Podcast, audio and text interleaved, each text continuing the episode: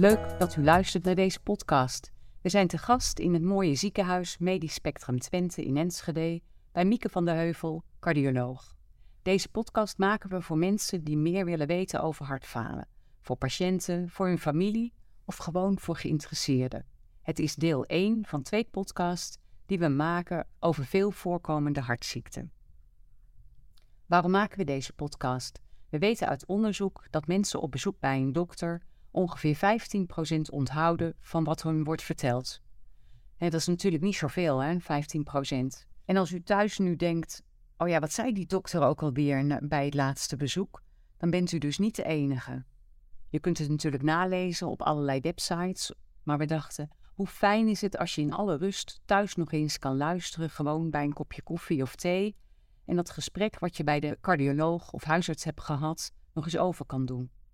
We zijn hier vandaag bij elkaar met Mieke Vissers, praktijkondersteuner in de huisartsenpraktijk, Mieke van der Heuvel, cardioloog en ervaringsdeskundige Frank van Wortel, om met elkaar te spreken wat hartfalen is en betekent voor je leven. En Frank, jij vond het belangrijk om ook je vrouw mee te nemen, want het heeft niet alleen invloed op jouw leven, maar op jullie beide leven. Op het hele gezin, klopt. Op het hele gezin. We bespreken vandaag de oorzaak, de diagnose, onderzoek, behandelmogelijkheden en wat het betekent. Zoals je net zegt, voor jullie hele gezin. Welkom aan mijn gasten. Mijn naam is Anja van Kempen en ik ben huisarts in Haaksbergen. Mieke, om te beginnen, wat is hartfalen eigenlijk? Hartfalen is een, een ziektebeeld wat een, eenzelfde type klachten geeft. En letterlijk betekent het niks anders dat iemand klachten krijgt omdat het hart onvoldoende goed in staat is bloed rond te pompen door het lichaam. En daarmee kan het hart dus niet aan de eisen van het lichaam voldoen. Dat de rest van het lichaam dus niet voldoende zuurstof en voedingsstoffen rondgepompt krijgt. Dus dat is het algemene klachtenpatroon van hartfalen. Dus een algemeen ziektebeeld.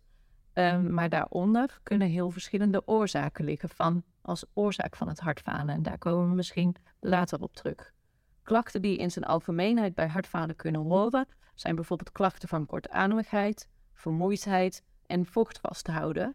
En in zijn algemeenheid heeft de ziekte hartfalen veel impact op het dagelijks leven van mensen. En je noemt eigenlijk een heel scala van klachten, hè? wat je zegt. Uh, benauwdheid, kortademigheid, vocht vasthouden. Nu is eigenlijk iedereen die ouder wordt, die heeft wel eens last van wat sneller vermoeid zijn en uh, wat kortademigheid. Bij welke patiënten of bij welke mensen moet je bij deze klachten nou denken aan hartfalen? Wie loopt eigenlijk het risico om hartfalen te krijgen? Ja, hartfalen is in zijn algemeenheid wel een, een ziekte die meer voorkomt bij de oudere mens. en omdat de Nederlandse uh, bevolking uh, vergrijst, de leeftijd van mensen neemt toe, neemt daarmee de kans op hartfalen ook toe. Er zijn wel wat getallen over uh, bekend. Zo'n 6% van alle 65-jarigen heeft hartfalen of nog niet erkend hartfalen. En dat loopt wel op tot zo'n 20% van 85-jarigen. Dus daarmee als ziektebeeld uh, helemaal niet zeldzaam. Um, en dat met die hogere leeftijd heeft te maken met omdat op hogere leeftijd het risico op hart- en vaatziekten toeneemt. Bijvoorbeeld door ziekten als hoge bloeddruk, suikerziekte, uh, verhoogd cholesterol, uh, de wat, wat, wat dikker worden. Um, dus daarom kan het heel zinvol zijn dat bijvoorbeeld boven de 65 jaar uh, mensen toch alert zijn op de klachten of op de uh, typische risicofactoren. Ja, dus eigenlijk, Mieke, zeg jij, mensen die benauwd zijn en sneller moe zijn en daarbij last hebben van hart- en vaatziekten. Um, daarbij moet je eerder denken aan dat het niet gewoon ouder worden is, maar dat het ook een falen van het hart, zoals je dat net beschrijft, zou kunnen zijn. Ja, zeker. Dat uh, zeg je helemaal goed. Ja. En Mieke, je werkt in uh, de huisartsenpraktijk. Um, jij ziet al die mensen met hart- en vaatziekten. Um, wanneer denk jij nou aan hartfalen? Nou, de meeste patiënten op het spreekuur van de POH hebben risicofactoren op het krijgen van uh, hart- en vaatziekten. En een van de doelen van het spreekuur is dan ook het opsporing hiervan. Uh, en wat betreft hartfalen, soms vertellen mensen zelf dat ze klachten hebben. Uh, maar heel veel vaker kom je erachter door gewoon goed door te vragen. Bent u buiten adem bij inspanning, zoals de trap oplopen, tegen de wind in fietsen of vegen, stofzuigen, dat soort inspannende dingen. Uh, bent u eerder moe dan een half jaar geleden, of ten opzichte van leeftijdsgenoten bijvoorbeeld? Heeft u last van opgezette enkels? Moet u vaker uit bed om te plassen? Heeft u last van benauwdheid of hoesten bij plat eh, liggen? Dat zijn vaak de klachten die op hartfalen kunnen duiden. Ja, dankjewel. En Frank, als we dan ehm, naar jou kijken, we hebben natuurlijk al even een voorgesprek gehad waarin je wat verteld hebt over hoe dat bij jou gelopen is. Ja. Um, zijn dit ook klachten die jij achteraf herkent, die door de dames tegenover jou worden? Nee, niet echt. Ik Nee. nee. uh, goed, leed wel aan ogen geweest, maar zegt van, van ik was uh, snel, sneller buiten adem. Nee. Wat was voor jou een, een, eigenlijk achteraf een teken dat je denkt, misschien was er toch iets met mijn hart aan de hand? Ik uh, heb in, in eind maart heb ik een, een hartstilstand gekregen. En achteraf gezien heb ik waarschijnlijk ergens in januari een stilinfarct gehad. Mm -hmm. En de, daar heb ik weinig van gemerkt. Of helemaal niks van gemerkt. Mm -hmm. Alleen, na die tijd was ik heel erg, ja, kan nergens zien in. Uh, ja, ik, was, ik niet meer tot enige activiteit te branden. Die, die ik vroeger wel leuk vond. Elektronica. Uh, ik, ik zit 40 jaar in automatisering. Maar dat, ik was daar al niet meer toe te porren. Nee, dus je zegt eigenlijk in januari heb ik mogelijk een infarct gehad. Wat, ja, je noemt het een stil infarct. Er was geen signaal waarvoor je op dat moment naar de dokter ging. Maar achteraf gezien um, was je conditie minder. Um, en werd je sneller moe en had je minder zin om dingen te doen. Maria, ik zie jou knikken. Je herkent dit ook. Uh, ja, dit herken ik wel. Ja. ja. Je merkte dat je een, een andere partner had. Ik uh, heb heel, heel stil op de bank en was nergens uh, toe te porren. Mm -hmm. En uh, we waren alle twee met uh, prepensioen gegaan om heel veel te kunnen reizen. En ja, dan zit je op de bank en dan nog niet eens een wandelingetje. Dus op een gegeven moment word je ook een beetje pissig dat je zegt van... Uh, wil je dan zo honderd worden? Ja, dus zegt hij. Ja, dus het vuur was eruit? Ja. Ja, ja, ja. ja. lastig om mee om te gaan. Als cardioloog uh, zie je dit vaker, dat mensen met wat onbestemde klachten komen voordat je deze diagnose stelt? Ja, en dat, dat is ook wat het hartfalen uh, lastig maakt. Hè. Dus vermoeidheid is natuurlijk een breed begrip. Dus krachten van verlies in interesse, nergens zin meer in hebben. En dat is denk ik toch wel te schaven onder een breed begrip van, van vermoeid zijn. Uh, maar dat maakt het vaak ingewikkeld. Ja, inderdaad, om, om de eerste link te leggen.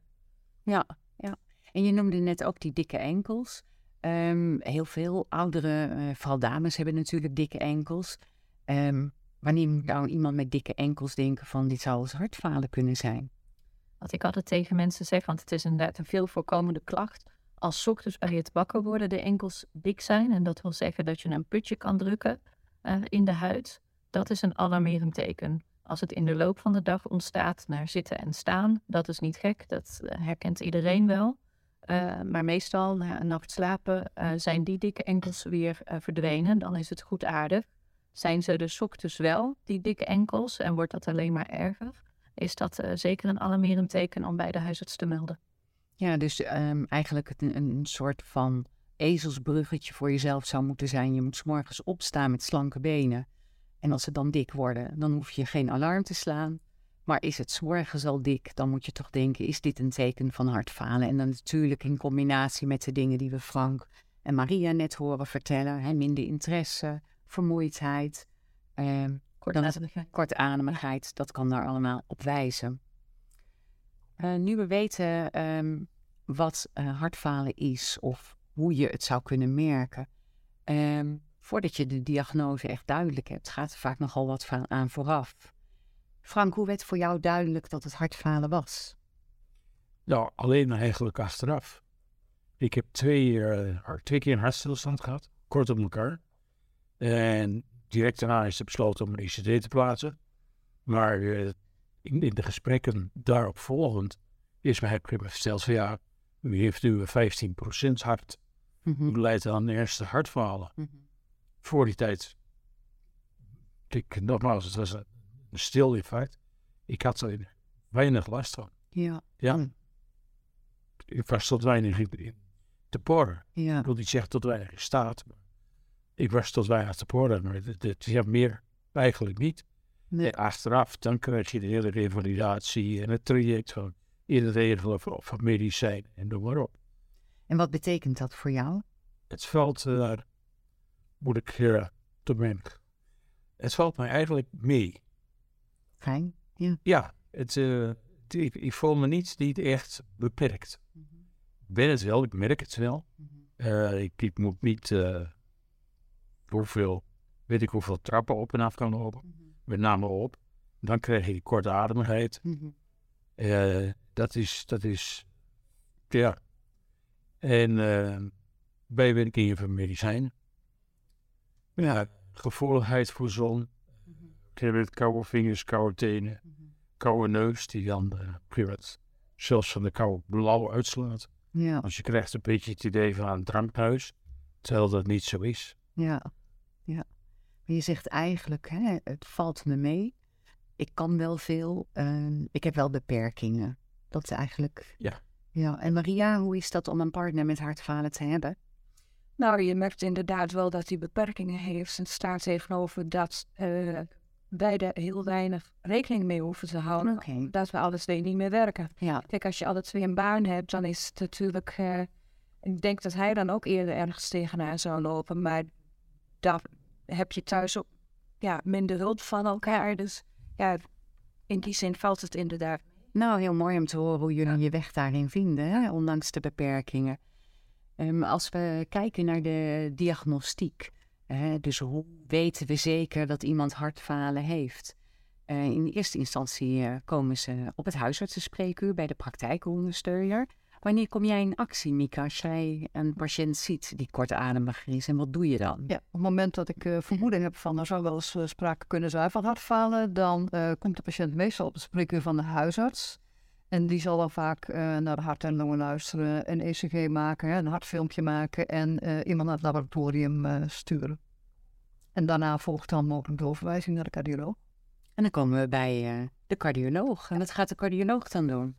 Ja, nou ja, wij nemen ook nog eens een keer het verhaal van de patiënt door. Um, en in het ziekenhuis zijn er nog wat meer diagnostische mogelijkheden. Belangrijk is bijvoorbeeld een echo van het hart waarmee we letterlijk kunnen meten hoe het hart knijpt en hoe de functie van de hartkleppen is. Een hartfilmpje wordt nog eens herhaald of soms nog wat uitgebreider gedaan in de vorm van een holteronderzoek, omdat een hartritmestoornis bij hartfalen kan horen of de oorzaak van het hartfalen kan zijn. En we hebben tegenwoordig ook uh, scans om nog gedetailleerder uh, de hartspier te bekijken, zoals een MRI-scan. Soms is een hartkatheterisatie nodig. Dat heeft ook weer te maken met dat hartfalen, wat ik al zei, een heel algemeen begrip is, maar dat de oorzaak uh, heel erg verschillend bij mensen kan zijn. En afhankelijk van de oorzaak waar we aan denken, kunnen dan ook verschillende uh, onderzoeken ingezet worden. Ja, dus eigenlijk uh, gaat de cardioloog op zoek naar de oorzaak van het hartfalen. Dat klopt. He, de patiënt en de huisarts en de praktijkondersteuner samen denken er zou hartfalen kunnen zijn. En dan bevestig jij dat, wat je zegt, door een echo te maken naar de knijpkracht. Ik hoorde Frank net zeggen, ik heb een 15% hart. Kan je eens uitleggen wat dat betekent? Ja, die 15% dat uh, refereert inderdaad naar de knijpkracht van het hart, ofwel ejectiefractie, de medische term.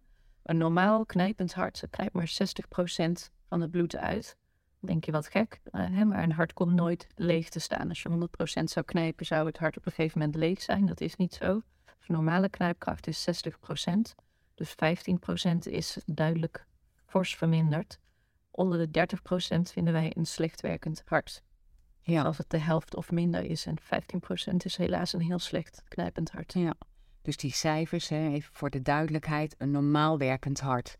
Zeg je dat is 60%, dus iemand die hoort dat hij een 50% werkend hart heeft, die zit er eigenlijk nog heel goed bij. Dat is een redelijk knijpend hart. Ja. Maar daar moet je niet in vergissen. Die ejectiefractie, die, dat knijpkrachtgetal, Mhm. zegt niet alles. Want ook mensen met een goed knijpkrachtgetal kunnen toch hartfalen hebben. Want die hartspier die kan soms wel knijpen, maar is soms wat, ook wat stugger, waardoor mensen toch hartfalen hebben. Ondanks een goede knijpkracht. En dat noemen we hartfalen met een behouden ejectiefractie. Ja. Hè, die heeft een ander behandelplan dan eh, hartfalen met een verminderde knijpkracht. Dus dat is de reden waarom wij het onderverdelen in, in groepen hartfalen op basis van die knijpkracht. Eh, maar wel degelijk eh, kunnen mensen ook met een goede knijpkracht toch hartfalen hebben.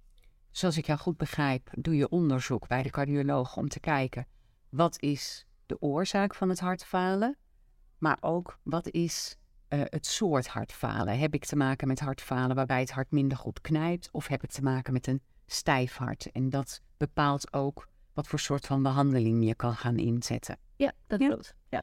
Nou, misschien dat we daar meteen eens eh, naar over kunnen gaan dan, hè, nu we weten wat het is. De behandeling van hartfalen. Ehm, Frank, dan wil ik eerst eens aan jou vragen. Buiten wat de cardioloog nou heeft gedaan, aan, daar komen we straks op, aan medicatie. Wat heeft jou nou geholpen dat je hier zit en kan zeggen... nou, het gaat eigenlijk best goed binnen die eh, grenzen die ik heb. Wat heeft jou geholpen? De revalidatie. Kun je daar wat, wat over? Hartfalende revalidatie. Twaalf weken lang. Gewoon trouw. Twee keer in de week. We sporten, we worden heel langzaam af. Kost, kost om, om je conditie weer op te bouwen. Ja, Maar dat heeft geweldig geholpen. En daarna moet je voor jezelf eh, wat doelen stellen. Ik eh, heb voor mezelf gezegd, ik, ik wil graag naar mijn eh, dochter en, en schoonzoon kunnen fietsen. ja, Die wonen zo'n zo'n 7, 8 kilometer verderop. En dat wil ik gewoon met fiets kunnen doen. ja. Zonder dat ik nou gelijk daar of, of thuis weer terug thuis drie uur lang moet revalideren of in bed gaan liggen om bij te komen. Ja, mooi. En, eh, nou, ja, en, en zwemmen en wandelen. Wil ik gewoon weer een stuk kunnen wandelen. En, ja, als je dat soort dingen doet en op een gegeven moment haal je die doelen. Gaat veel tijd overheen. Mhm. En het, het gaat allemaal langzaam, maar het gaat merkbaar steeds beter. En dat is goed om te zien. Wat mooi. Dus jij zegt eigenlijk van als je geduld hebt en inzet hebt, dan kun je door middel van revalidatie een heel eind komen. Voor mij gold het. Voor jou. Het zal allicht voor iemand anders anders zijn. Want mijn hart is inmiddels ook... eh, het, blijkbaar heeft er een, toch een, een stuk van het hart... was nog wel levensvatbaar. En heeft dat, dat wat overgenomen op uh, knijpkracht. Mooi. Want het laatste wat ik gehoord heb gehoord... was dat mijn hart knijpfunctie op 47% zat. Mooie verbetering. En dat is, ja, dat is... dat is Mooie verbetering. Daar hebben we verdubbeling. Ja, zeker. Drievoudig. Je zegt eigenlijk dus die, hè, die training, die revalidatie heeft me geholpen. Ehm, zijn er nog andere dingen waar je van denkt, nou die zijn echt belangrijk voor mij geweest. Die wil ik graag delen met andere patiënten, die wil ik noemen. Nou, je zit met een hele hoop eh, beperkingen. Dus ik, ik had ook een vochtbeperking. Dus ik heb op een gegeven moment eh, een schemaatje gemaakt. Weekdagen en dan de, de uren en dan gewoon aantekenen van wanneer neem je weer 150 milliliter, maar niet meer dan anderhalve liter per dag. Ja. Eh, dat, dat soort dingen, dat helpt. Eh, Structuur aanbrengen en geheugensteuntjes maken. Ja. In het begin drink je te veel. Mhm. En eh, dus ik heb gemerkt dat je daarna eigenlijk te weinig drinkt. Dan Mhm. moet je echt eh, jezelf dwingen van, oh ja, Ja, ik heb mijn kwart voor elf drankje nog niet gedaan. ja, ja. Terwijl het Ja. inmiddels één uur is. Dus dan moet je even bijwerken. Mooie tips voor andere mensen. Naast wat eh, Frank net heeft aangegeven, wat hem heeft geholpen om eh, de klachten te verminderen, wil ik ook heel graag aan Mieke vragen. Mieke, wat zijn de mogelijkheden voor behandelen van hartfalen? Ja, Anja, gelukkig hebben we daar tegenwoordig heel veel mogelijkheden in. Eh, naast wat Frank al noemde, de hartfalen leefregels en hartrevalidatie is eigenlijk medisch gezien medicatie de hoeksteen van hartfalenbehandeling. Het is die medicatie die ervoor zorgt dat een knijpkracht, zoals bijvoorbeeld bij Frank, van 15% weer naar 47% gegaan is. Eh, die medicatie die is heel uitgebreid. eh, maar heel belangrijk. Kan helaas bijwerkingen geven. Ehm, maar dat is absoluut de medicijnen die het hartfalen kunnen doen verbeteren. Daarnaast, afhankelijk wat de specifieke oorzaak van het hartfalen is, zijn er nog meer behandelmogelijkheden. Bijvoorbeeld als het een hartinfarct is geweest eh, met nog levend hartspierweefsel, dan kan bijvoorbeeld een dotterbehandeling of een bypassoperatie nog een behandeloptie zijn. Of als bijvoorbeeld een hartklepprobleem eh, de oorzaak van het hartfalen is, dan kan repareren van de hartklep het hartfalen doen, stabiliseren of verbeteren. Eh, hetzelfde geldt voor hartritmestoornissen, een, een, een derde oorzaak eh, veel voorkomend van hartfalen. Als je de ritmestoornis rustiger krijgt of wegkrijgt, kan je daarmee het hartfalen verbeteren. Daarnaast gaat hartfalen, uh, zeker hartfalen met een verminderde knijpkracht, samen met een verhoogde kans op gevaarlijke hartritmestoornissen. En daar kunnen we preventief ook wat aan doen door het plaatsen van een ICD-kastje. Een apparaatje wat een shock kan geven als er zo'n gevaarlijke hartritmestoornis zou optreden. En Mieke, je zegt preventief, dus dat doe je eigenlijk al voordat iemand daarmee te maken krijgt. Ja, als iemand het ziekenhuis ingekomen is, zoals een beetje het verhaal van Frank is, met een gevaarlijke ritmestoornis of een hartstilstand, dan wordt altijd zo'n ICD geplaatst, omdat er dan een gevaarlijke gebeurtenis al gebeurd is. Hm. Maar hartfalen met een, uh, een slechte knijpkracht van het hart uh, heeft een verhoogde kans op ritmestoornissen. Dus als iemand dat heeft en nog niet zo'n gebeurtenis gehad heeft, plaatsen we zo'n ICD-kastje preventief. En, en kan je dat vergelijken met een AED, maar dan veel kleiner? Ja, dat is letterlijk wat het is. Hè? Een AED is een grote variant en een ICD is een hele kleine variant die onder de huid wordt geplaatst. Meestal met een draad naar het hart. En een AED kennen denk ik de meeste luisteraars wel, hè? want die hangen tegenwoordig op elke hoek van de straat waarmee je levensreddend werk uh, kan doen. Precies, zo'n ICD kan je een beetje vergelijken als een bijzonder soort pacemaker. daarnaast is überhaupt de pacemaker ook nog goed om te noemen als behandeloptie van het hartfalen. Zeker als het hartfalen samengaat met een on, niet mooi gelijkmatig knijpen van het hart. Dan kan een pacemaker er juist voor gaan zorgen dat het hart mooier, gelijkmatiger gaat knijpen en daarmee het hartfalen goed doen stabiliseren. Ja, dus ik hoor eigenlijk een heleboel uh, behandelopties. En zowel uh, leefstijl, medicijnen, uh, behandelen van de oorzaken van het hartfalen, proberen die weg te nemen. En dan om te voorkomen dat iemand problemen krijgt met het ritme van het hart, uh, het plaatsen van een, een kastje, een ICD en soms ter ondersteuning een pacemaker.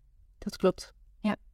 We hebben net al even van Frank gehoord wat gezond leven doet op hartfalen. Hè? Bewegen, dat dat zoveel verbetering heeft gegeven.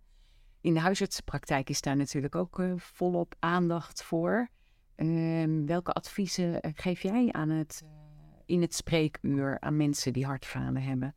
Uh, inderdaad, algemene adviezen uh, over een leefstijl, zoals uh, bewegen, gezonde voeding en stoppen met roken. En specifiek voor hartfalen gaat het met name vaak over de uitleg van het ziektebeeld, hè, om dat elke keer te herhalen. bespreken van signalen van verslechtering. Wanneer moet je nu aan de bel trekken en bij wie? Um, adviezen over zout- en vochtgebruik, uh, bijwerkingen van medicatie, belang van therapietrouw bijvoorbeeld, uh, eventueel dagelijks wegen als dat uh, nodig is. En soms ook het zelfstandig aanpassen van plasmedicatie. Mm -hmm. Mensen kunnen dat zelf doen. Mm -hmm. Verder gaat het over stress, seksualiteit, allerlei andere ehm, levensdingen die je tegenkomt in het leven. Mm -hmm. Uh, maar misschien het belangrijkste van wat betekent het hartfalen nu voor jou en je naasten in het dagelijks leven. Dus uh, heel veel van mijn collega's zullen het gesprek aangaan over gezondheid in de breedste zin van het woord. van het dagelijks functioneren tot het geestelijk sociaal welzijn tot en met de vraag waar kom je je bed vooruit. En eventueel kunnen we verwijzen naar een diëtist of naar um, een hartfysiotherapeut die aangesloten is bij het hartlongnetwerk voor verdere revalidatie. Ja, dankjewel. Nou, we hebben veel gehoord over hartfalen. We hebben gehoord over wie nou het kan krijgen, wie het risico loopt, uh, hoe je het kan herkennen, wat het betekent voor je leven, wat je zelf kan doen en wat de cardioloog kan doen. Ik kijk even naar Frank. Frank, heb jij nog een, een boodschap voor mensen met hartfalen die je ze graag mee wil geven? Uh, ga een goed gesprek met je apotheek. Vertel eens wat. Die zijn zeer behulpzaam geweest in uitleg van, uh, van het gebruik van, van alle medicatie. Want het zijn er nogal wat. Ik geloof ik op dit moment 13 verschillende pils mm op een dag. Uh, en dan hebben we tips, alle geduld en alle inzet.